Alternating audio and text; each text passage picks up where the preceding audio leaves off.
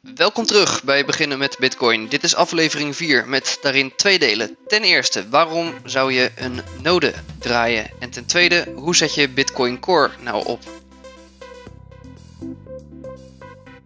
Ja, waarom zou je dat nou doen? Een node draaien. Bitcoin draait om de blockchain. Dus als je iets wil weten over een transactie, dat staat in de blockchain. En je zou kunnen vragen aan een derde partij of transacties daadwerkelijk gebeurd zijn. Maar je kan ook zelf je node draaien en zelf die blockchain zelf helemaal opslaan en daar zelf uh, controle over houden. Wat je dan doet is de validatie van transacties en bloks. En je node zal dan kijken, zijn de transacties en blokken geldig? En die geldigheid, dat zit in de consensus rules. Dat zijn de regels die door de Bitcoin community met z'n allen ja, samen worden vastgesteld. En nou, een voorbeeld van zo'n regel is: je mag niet uitgeven waar je geen recht op hebt. En je mag niet bitcoin uitgeven die al zijn uitgegeven. En naast het checken van de transacties, checken alle nodes ook de blocks. En ook hier geldt, houden ze zich aan de regels. Met als bijvoorbeeld een regel, zijn die blokken niet te groot. Als er nou niet aan die regels gehouden wordt, dan worden die transacties of die blocks worden niet verwerkt door je eigen node. Als ze zich nou wel aan de regels houden, dan krijgen, die, uh, ja, dan krijgen ze een plekje op je node. Bijvoorbeeld transacties. Als iemand een transactie doet, bijvoorbeeld uh, ja, gewoon iemand uh, buiten op zijn mobiele telefoon, dan wordt dat doorgegeven naar de nodes. Dat wordt tussen die nodes peer-to-peer -peer wordt dat doorgegeven, die transacties. En als die nou goed zijn, dan weet dus iedereen op een gegeven moment dat die transacties gedaan zijn. Wat gebeurt er dan met de transacties?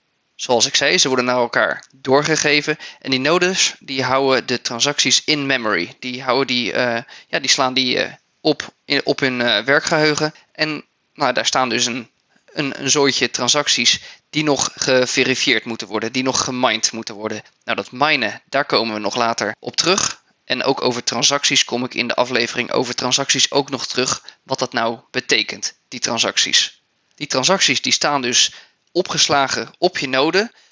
En daarnaast, als er blokken gemaakt zijn, dan worden die ook aan elkaar doorgegeven. Dus als die blokken gemined zijn, daar kom ik dus bij de mining aflevering op terug. Maar dan worden die ook door de nodes aan elkaar doorgegeven. En als je dus zelf meedoet aan het netwerk met je eigen node, dan help jij daar ook in mee om die blokken aan andere nodes door te geven. Ze helpen dus het netwerk. Nodes, Bitcoin nodes helpen het netwerk. En je kan het dus ook zelf gebruiken om je eigen transacties te controleren. Iemand kan je wel vertellen dat hij wat bitcoin naar je heeft overgemaakt. Maar wat is nou beter natuurlijk om dat echt daadwerkelijk zelf te kunnen checken op je eigen bitcoin node.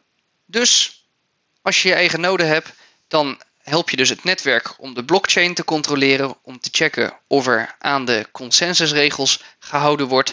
En uh, je helpt jezelf ook, want uh, je kan zelf dus je transacties controleren. Je wordt zelf uh, je eigen bank. Dan het tweede deel, Bitcoin Core gebruiken. De meest gebruikte nodesoftware is Bitcoin Core en die wordt gemaakt door de Bitcoin Core developers. Het zijn een aantal, ja, volgens mij zijn het alleen maar mannen die meehelpen aan de software. En ja, het is zoals ik zeg, de meest gebruikte software. Je kan hem online checken. Want de broncode is openbaar gemaakt. Hij is volledig open source, dus je kan zelf checken wat er gebeurt. Als je die nou wil downloaden, ga naar bitcoin.org slash en slash download. En daar krijg je de goede links. Ga nou niet willekeurig zitten googlen, want wie weet uh, worden er advertentie, uh, wordt er advertentieruimte gekaapt om jouw malware te sturen. Haal hem dus echt bij bitcoin.org vandaan. Dat is de betrouwbare. Wat heb je nou nodig? Die Bitcoin Core software die kan draaien op Windows, Linux en Mac en waarschijnlijk nog wel allerlei andere soort exotische systemen. Het is nodig om ongeveer 300 gigabyte vrije ruimte te hebben. Dat is vrij fors. Maar dat zijn dus al die blockchain transacties. Die hele blockchain die heeft nogal wat ruimte nodig. En dat ga je ook allemaal moeten downloaden. Dus ook een datalimiet is niet echt een heel praktisch ding als je een node wil gaan draaien. Hij moet natuurlijk één keer die 300 gigabyte downloaden. Maar je node, standaard, gaat hij ook eh, peer-to-peer blokken doorgeven. Dat kan je allemaal uitzetten en je kan ook zorgen dat die 300 gigabyte dat die verkleind wordt. Dat hij alleen de voor je node relevante transacties bijhoudt.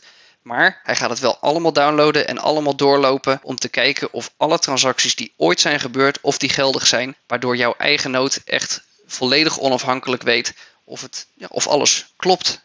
Die 300 eh, gig, het helpt om, om daar een, een snelle disk uh, voor te hebben. Zeker bij, de, bij het eerste keer opstarten, bij het, bij het eerste downloaden van de blockchain, gaat het je helpen als je daar bijvoorbeeld een SSD voor gebruikt. Die zijn natuurlijk wel een stuk duurder. Dus als je nou zoiets hebt van, ach, die eerste keer wacht ik wel wat langer, dan uh, kan je ook gewoon een harddisk gebruiken. Daarnaast 2 GB werkgeheugen wordt aangeraden. En het helpt ook om altijd online te zijn. De tip is volgens mij officieel dat het vooral helpt, het netwerk helpt, als je meer dan 8 uur per dag online bent. Maar eigenlijk, als je een goede node wil zijn, dan ben je altijd online. En wat veel mensen daarom doen, is die kopen zo'n goedkope Raspberry Pi computer van een paar tientjes. Daarnaast heb je natuurlijk een harddisk nodig. Nou, dat kost vaak nog wel iets meer dan een paar tientjes. Maar zo heb je tussen de 100 en 200 euro toch echt wel een leuke node bij elkaar. En dan heb je misschien in jouw meterkast gewoon zelf de blockchain staan. Goed, zeg nou dat je een systeem hebt gevonden die aan al deze eisen voldoet. Misschien had je nog een oude laptop liggen, misschien ben je inderdaad voor die Raspberry Pi gegaan. Dan download je het programma. Dus eerst heb je natuurlijk een besturingssysteem nodig op dat computertje. Uh, en nog steeds kan dat gewoon een, uh, een Windows-installatie zijn als je daar het uh, meest comfortabel bij bent. Maar veel nodes die draaien op Linux. We kunnen je hier natuurlijk mee helpen in de Telegram groep als dit voor je nieuw is. Er zijn ook een hele hoop tutorials online die je dit stap voor stap vertellen. Maar het komt er eigenlijk op neer. Je start of je logt in in je systeem. Je downloadt van bitcoin.org, download je de officiële software en die ga je draaien. In de standaard configuratie is het gewoon een programma dat op je desktop draait, zoals je ook je browser gebruikt of ieder ander programma.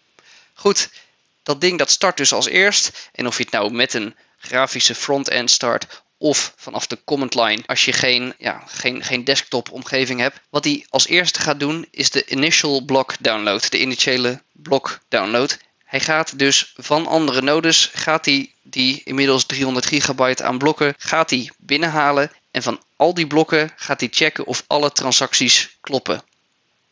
Wat er nou te controleren is, daar kom ik op terug in de transactieaflevering. Van wat transacties nou daadwerkelijk zijn. Maar in het kort, er wordt dus echt gecontroleerd of al die data die die binnenkrijgt, of die klopt met elkaar. En ook of, of die blokken op zich kloppen. In je logbestand zie je dan hoe ver je node is met synchroniseren. En als je de desktopversie hebt en je draait dat programma dus, dan zie je links onder in je scherm dat hij aan het synchroniseren is en hoeveel weken hij achterloopt met het huidige tijdstip. Dus als je dit luistert in 2020, dan ga je helemaal terug moeten gaan ook naar die eerste transacties van Satoshi zelf. En die eerste transactie in 2009 was het met uh, Hal Finney, dat hij die eerste transacties heeft uh, gedaan. Die gaan allemaal door jouw node heen en die gaan allemaal gecheckt worden. En op zo'n goedkope Raspberry Pi kan het best even duren. Soms kost dat wel een week totdat hij echt al die data van al die jaren verwerkt heeft.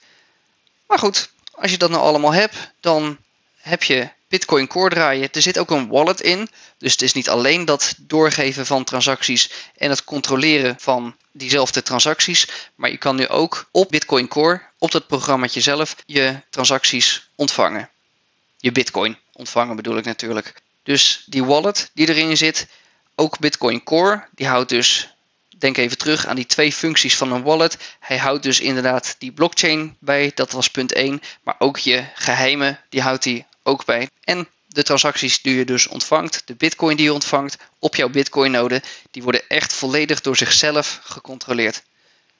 Nou, gefeliciteerd. Je hebt nu een, uh, een bitcoin node. Dus ontvang lekker je bitcoin en gefeliciteerd, want je bent het netwerk aan het helpen. Dat was het.